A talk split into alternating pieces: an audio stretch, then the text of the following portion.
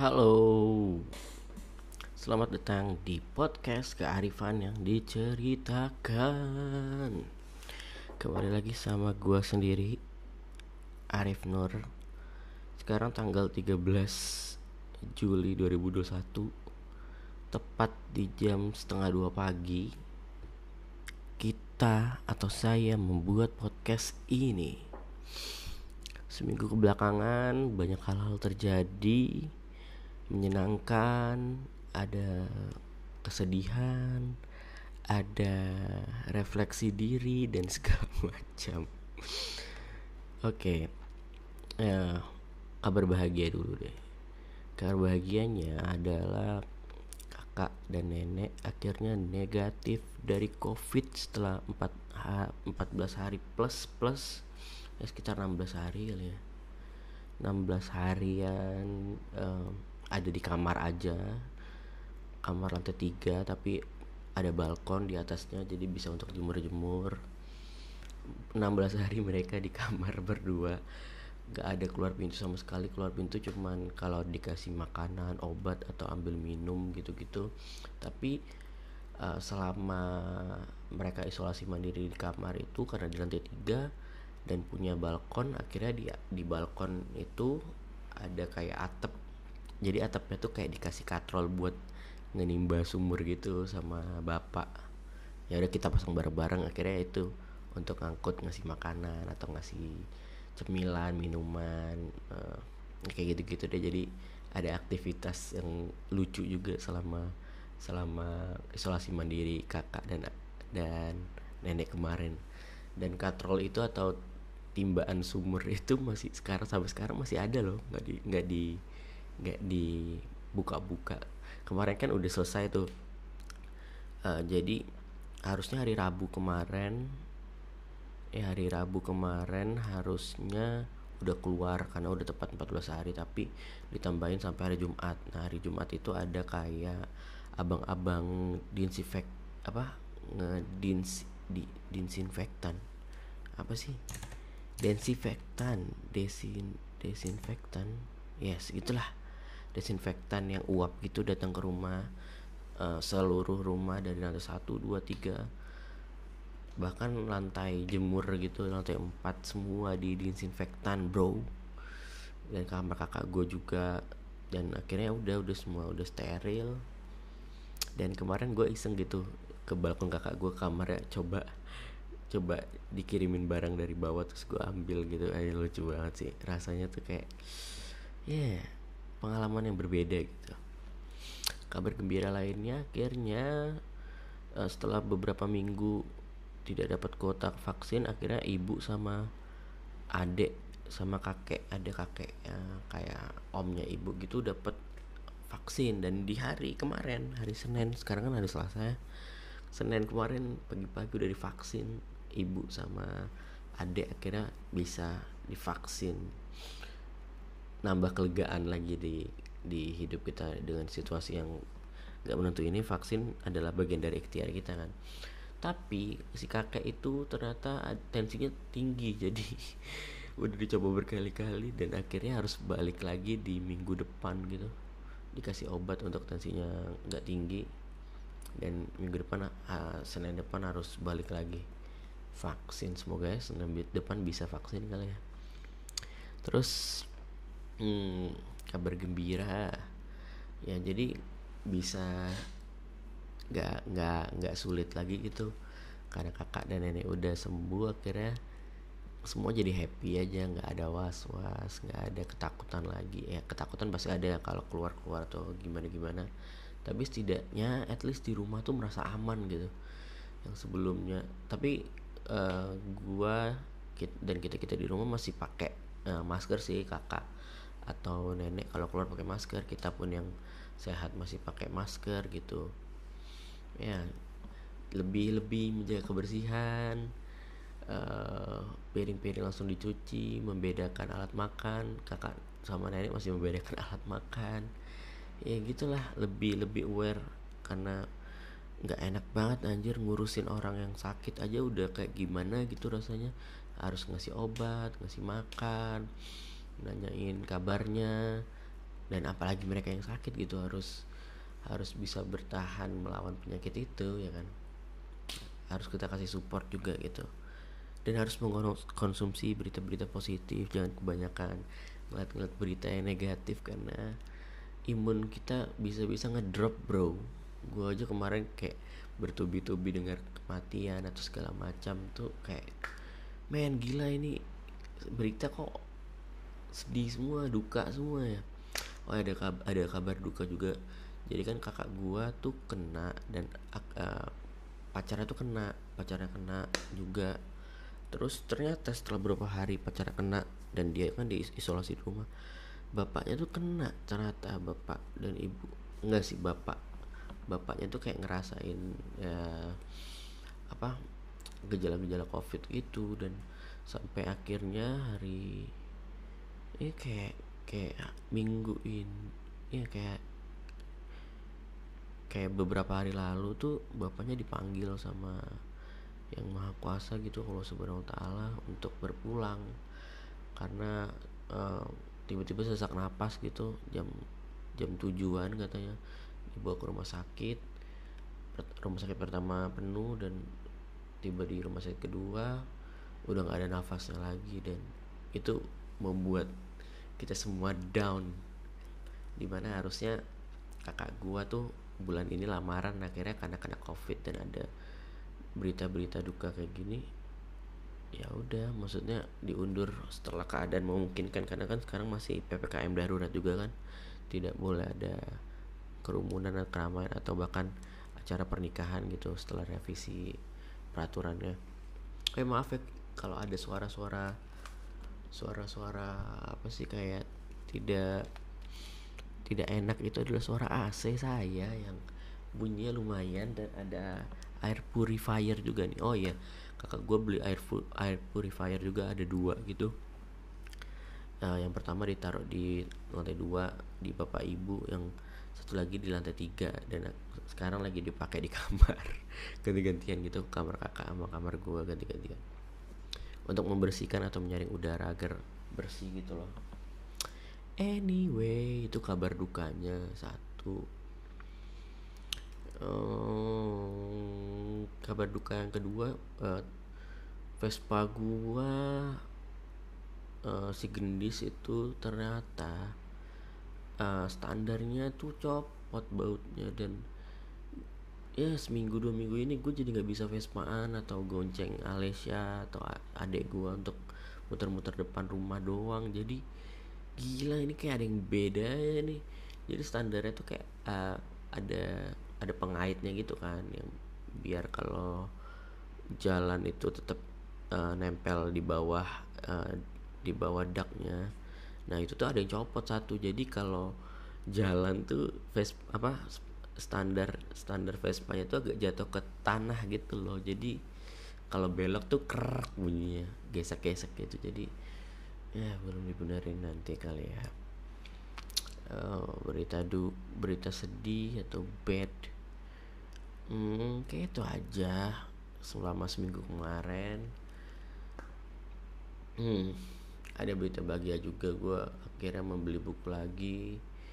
Ada uh, buku You Do You Book by Alexander Ruby. Dan nanti ada bukunya si Maudi Ayunda juga datang. Ya buku terbarunya mau di cerita tentang kehidupan dia S2 atau pendidikan dia segala macam. Terus hmm ada satu kejadian.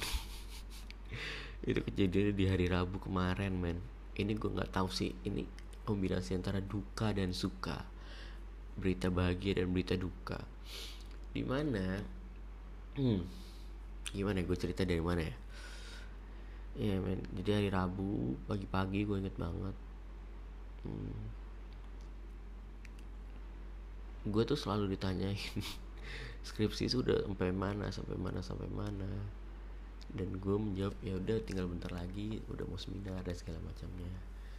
Dan uh, ditanya tuh hari Rabu pagi-pagi.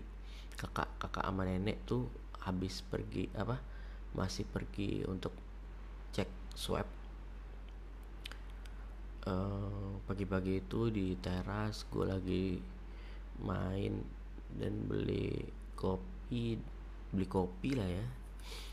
Beli kopi terus duduk-duduk di apa namanya di teras di eh di ayunan gitu apa sih sebutan ayunan yang bisa tiduran itu? Aduh, kok gue lupa. Nah itulah pokoknya.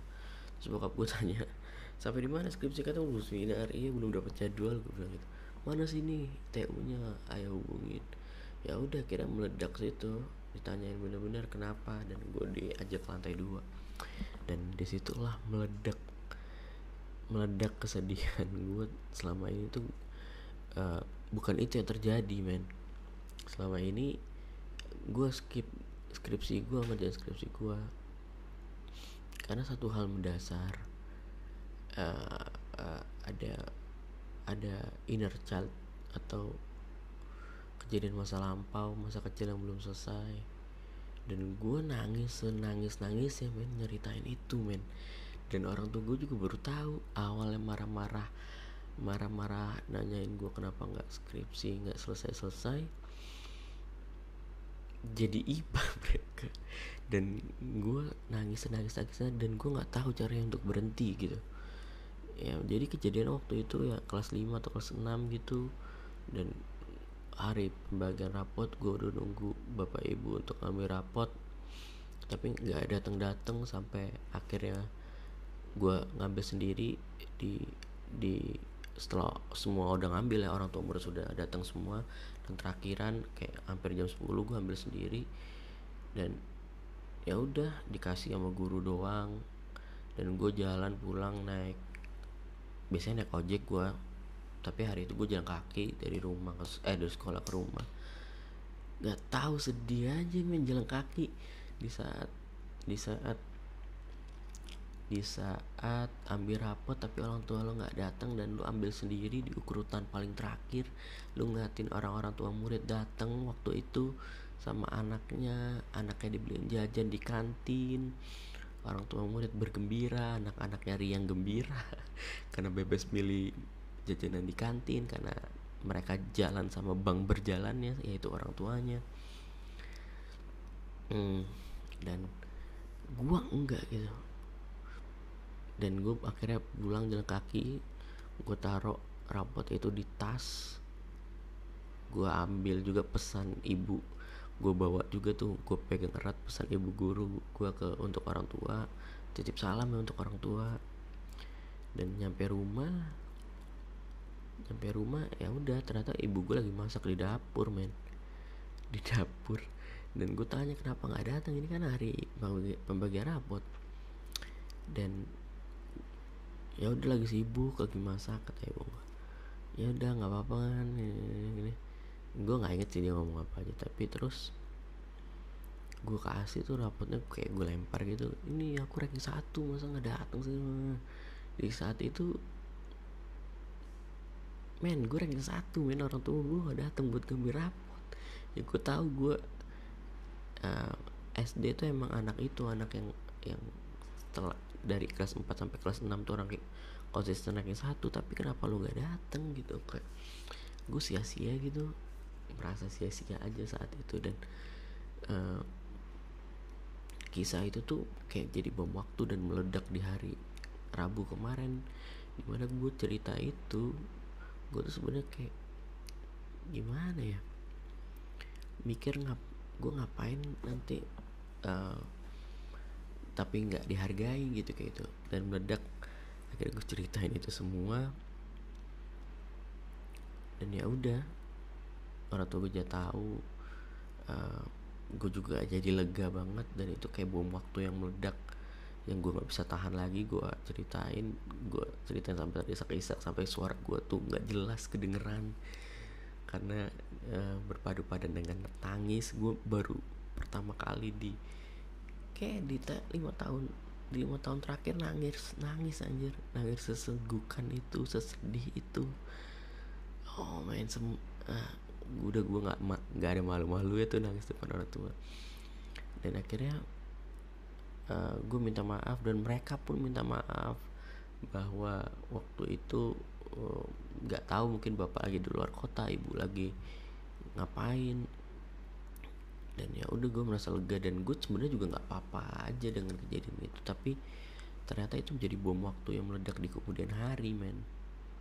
Inner childnya itu tumbuh dan itu bagian dari ego gue tuh tumbuh gitu yang ingin diselesaikan. Dan skripsi ini sebenarnya gue udah ngambil dari 2020 awal gitu ke Natuna 9 hari sebelum sebelum orang-orang dari Wuhan dijemput dan diisolasi mandi di isolasi di Natuna itu gue udah ngambil. Itu masuk orang yang ngambil data awal-awal dan tidak gue kerjain sama sekali men. Dikit lah gue kerjain. Dan ya men ternyata setelah gue cerita itu gue lega banget selega leganya dan gue jadi punya mimpi gitu. Dan gue jadi tahu alasan untuk menyelesaikan kuliah dan skripsi gue tuh gue jadi punya alasan lagi. Sebelumnya tuh kosong aja men. Asli. Kalau gue bisa kasih jujur nih itu kosong aja. Gue nggak tahu ngapain gue kerjain ini men? Gue takut gak dihargai kayak dulu kayak gitu gue pikirnya. Dan ya udah itu semua pecah dan akhirnya kita saling minta maaf. Dan semenjak itu gue jadi mulai mulai lagi dengan skripsi gue dan orang tua gue yang gak gue bayangin. Mereka lah jadi berdua itu mungkin ngobrol gitu di malam hari gue nggak tahu sih ini ini kemungkinannya yang gue pikirin. Ya kayak orang tuh perlu diapresiasi. Tidak ada seni yang tidak ingin dirayakan. Tidak ada orang yang tidak ingin dihargai kayak gitu. Jadi setelah kejadian itu gue jadi lebih banyak ngomong sama bokap lebih sering ditanyain sama nyokap dan segala macam. Ya mereka ngomong jauh lebih lembut ya biasanya kayak segas dan sekarang ya men gue nggak mau ini kejadian sebenarnya. Karena gue tak tahu ini nyusahin mereka dan ya udah ini kejadiannya kayak bom waktu aja meledak sendiri dan meledak di hari Rabu kemarin. Dan ya udah nggak ada yang perlu disalin itu ada sisi bahagia dan sisi sedihnya mungkin. Ya gue belajar belajar lah eh, bahwasanya banyak hal-hal sebenarnya tuh atau ada masalah ada kesedihan atau apa pun yang ingin lo utarakan harusnya itu udah selesai di saat itu juga atau tidak jauh dari kejadian itu men. Karena lambat laun hal-hal yang lu pendam lu pendam bertahun-tahun dia akan gulung-gulung-gulung terus besar men. Sehingga membesar sehingga dia menakuti diri lu sendiri menjadi monster untuk diri lu sendiri menjadi dinding yang ngebatasin lu dinding yang buat lu nggak percaya diri. Ternyata hal-hal itu akan susah untuk lu kendalikan karena mereka udah terlalu besar men. Dan saat lu mau mengendalikan